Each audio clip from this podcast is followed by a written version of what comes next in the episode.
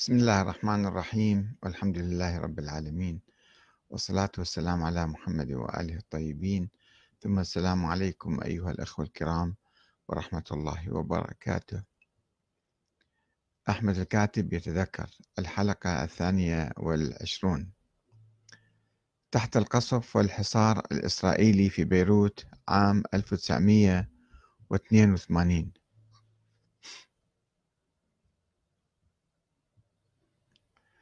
قمت في أواخر شهر آب من عام 81 بزيارة إلى لبنان لكي أطبع الكتاب الجديد تجربة الثورة الإسلامية في العراق من 1920 إلى 1980 ثم كتبت أثناء إشرافي على الطباعة هناك كراسا من وحي الصراعات المؤسفة الحادثة بين الإسلاميين ولا سيما المعارضة العراقية في طهران بعنوان مشكلة النفاق في العمل الإسلامي. محاولة الانقلاب في البحرين. وبينما كنت في لبنان سمعت باعتقال النظام البحريني لمجموعة من أصدقائنا البحارنة وبعض الأخوة من الجزيرة العربية من القطيف وحوالي سبعين شخصا. وهم في طريقهم من إيران إلى البحرين. بتهمة التخطيط لانقلاب لانقلاب عسكري في البحرين. وألقي القبض على بعضهم وهم يحتفظون بملابس عسكرية لاستخدامها في عملية الانقلاب.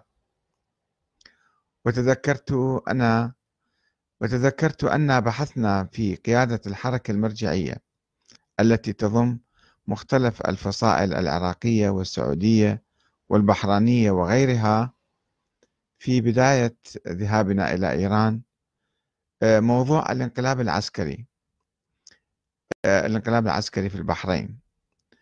وقد طرحه السيد هادي المدرسي الذي كان هو آه، يعني عالما في البحرين ثم هجر منها أو طرد منها بالأحرى.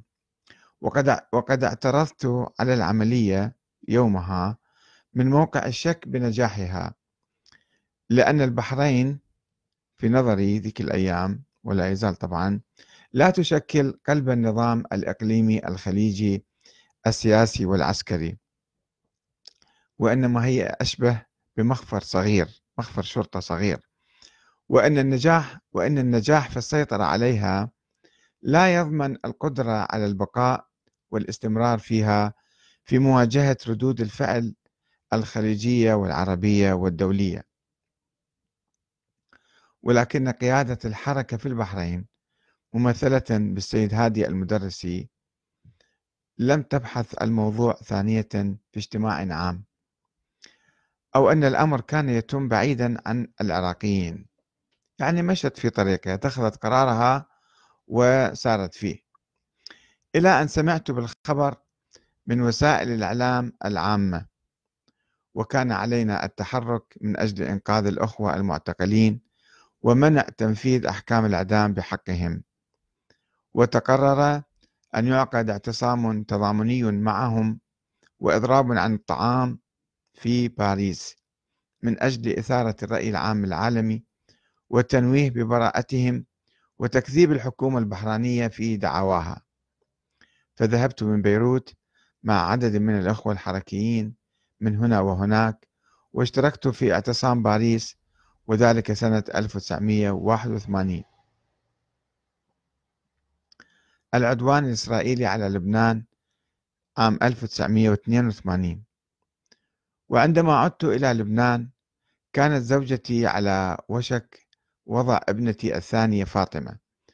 فانتظرت ولادتها في نهاية شهر أيار من عام 1982 حتى أعود معها إلى إيران. ولم يمض أسبوع على ولادتها حتى شن الجيش الإسرائيلي هجومه الكبير على لبنان وحاصر بيروت وأخرج المقاومة الفلسطينية منها. وقد عشنا تحت القصف الجوي والبري والبحري أياما رهيبة كانت تسقط فوق رؤوسنا كل يوم أكثر من مئة ألف قذيفة من مختلف العيارات. وفي ذات مرة قال أريل شارون أنه قصف بيروت بمية وثمانين ألف قذيفة من مختلف الأحجام. والأسوأ من القصف كان الشعور بالذل والهوان وسيطرة اليهود وتحديهم للعرب والمسلمين واحتلال عاصمة عربية دون أن يتحرك أي زعيم عربي للدفاع أو الرد. وبدلا من ذلك كان الرئيس العراقي صدام حسين يستعد لترأس قمة عدم الانحياز في بغداد. وقد انتهى من بناء القصور لاستضافة الرؤساء وكأنه في عالم آخر. وهنا لجأت إلى الله تعالى أستوحي منه بعض الرؤى حول الموضوع عبر شفرة القرآن. فخرجت لي هذه الآية الكريمة التالية. وحيل بينهم وبين ما يشتهون كما فعل بأشياعهم من قبل إنهم كانوا في شك مريب. الآية 54 سورة السبع ولم تمضي أيام حتى قامت طائرات إيرانية باختراق أجواء مدينة بغداد. مما دفع صدام إلى إلغاء المؤتمر بعد أن كانت كل الأمور تؤكد عقده في موعده المحدد. الأمل بالإمام المهدي. وفي الحقيقة إننا تحت الحصار الحصار الإسرائيلي نفق لم نفقد الأمل نهائيا ولم نسقط تماما في هاوية اليأس. فقد كنا نعلق أملا كبيرا على ظهور الإمام المهدي المنتظر محمد بن الحسن العسكري الذي سيملأ الأرض قسطا وعدلا بعد أن تملأ ظلما وجورا. وكان الإيمان به يشكل خشبة الخلاص بالنسبة لنا في المستقبل. وقد عزز إيماننا به ما سمعناه فيما بعد عن قيام بعض الجنود الإسرائيليين بأخذ تواقيع من سكان الجنوب اللبناني المحتل الشيعة بأن الجنود لم يسيئوا إليهم شخصيا ولم يعتدوا عليهم. وعندما كانوا يسألون لماذا تفعلون ذلك كانوا يقولون بأننا نعلم بأن زوال دولتنا على أيدي مهديكم. ولذلك نريد أن نأخذ وثيقة منكم ببراءتنا شخصيا لنبرزها له في المستقبل عند انهيار دولتنا ومجيء المهدي. وكانت تلك خطة خبيثة من اليهود لتبرئة أنفسهم من أي اتهامات بتجاوزات غير قانونية أمام الأمم المتحدة ولجان التحقيق باستغلال الثقافة الشيعية والبسطاء من الناس.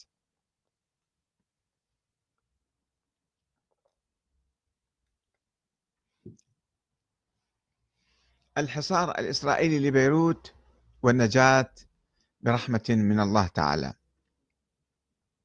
استمر الحصار الإسرائيلي لبيروت حوالي ثلاثة أشهر وكان الحصار يضيق يوما بعد آخر حيث كانت القوات الإسرائيلية تدخل المناطق المختلفة من بيروت وتنزل سكان البنايات إلى الشارع ثم تقوم بتفتيش الشقق والبيوت بيتا بيتا.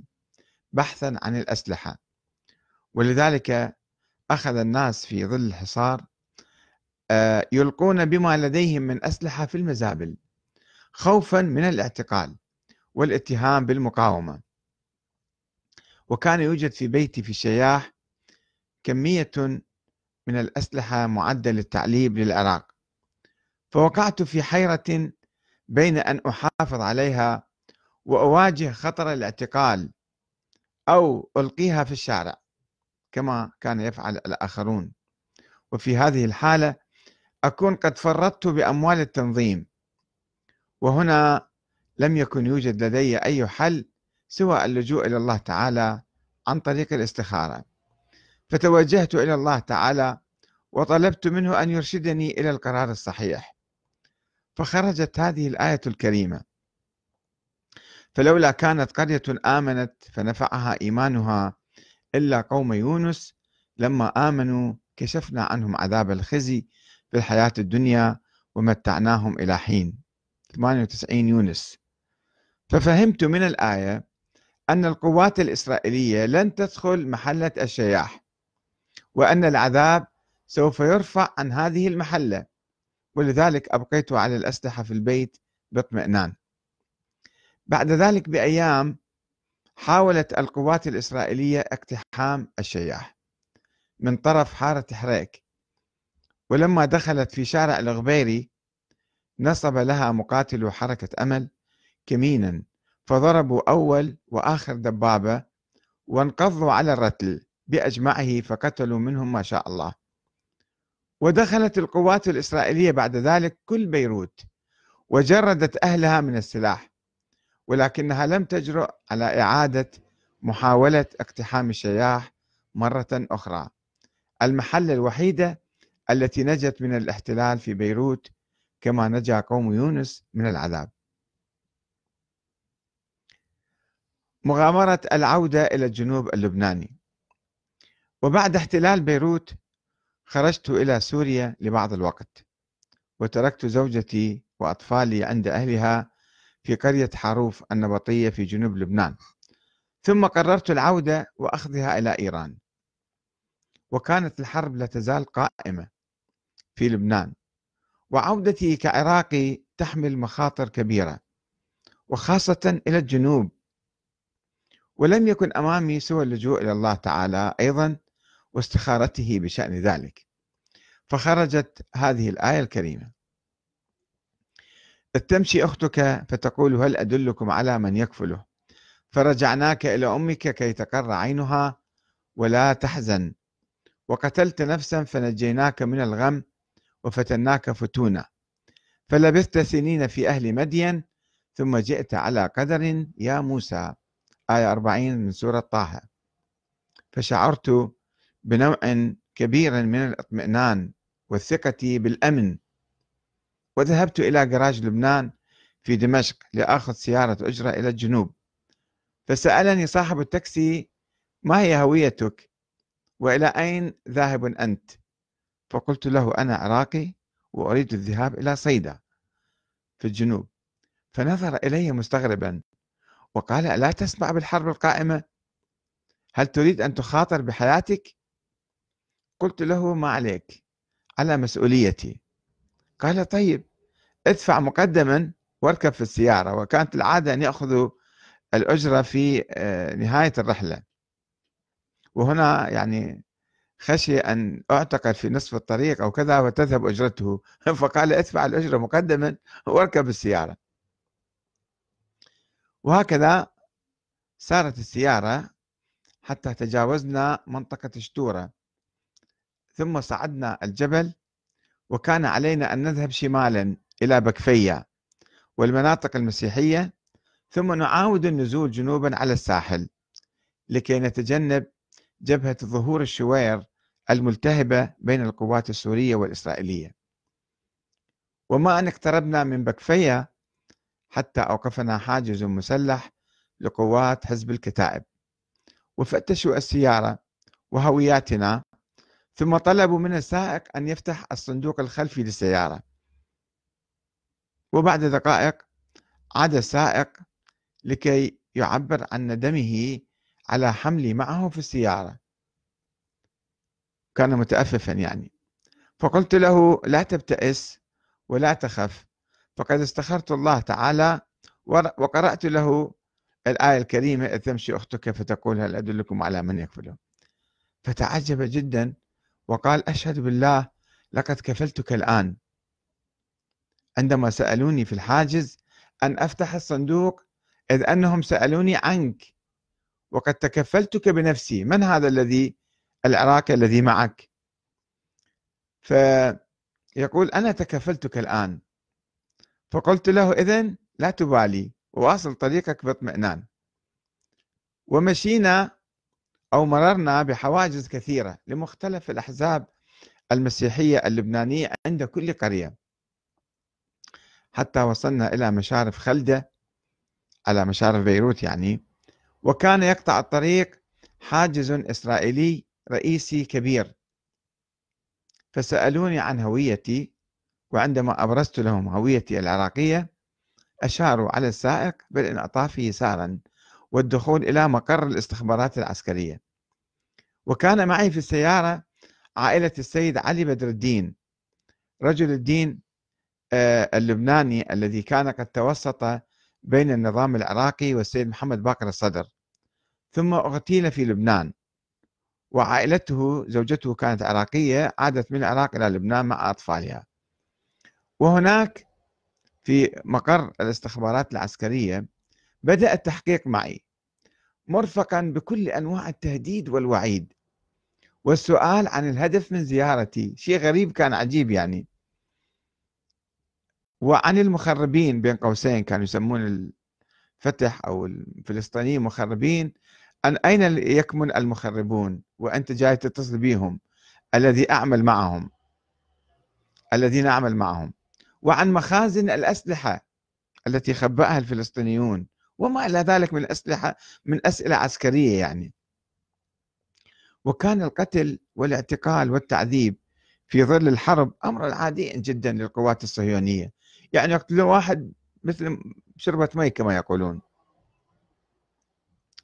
وكان من المفترض أن أرتبك وأرتع أو أرتعد أمام المحققين الإسرائيليين في ذلك الظرف. ولكنهم بدأوا أمامي كممثلين يثيرون الابتسامة والسخرية. كنت أضحك فعلا حقيقة.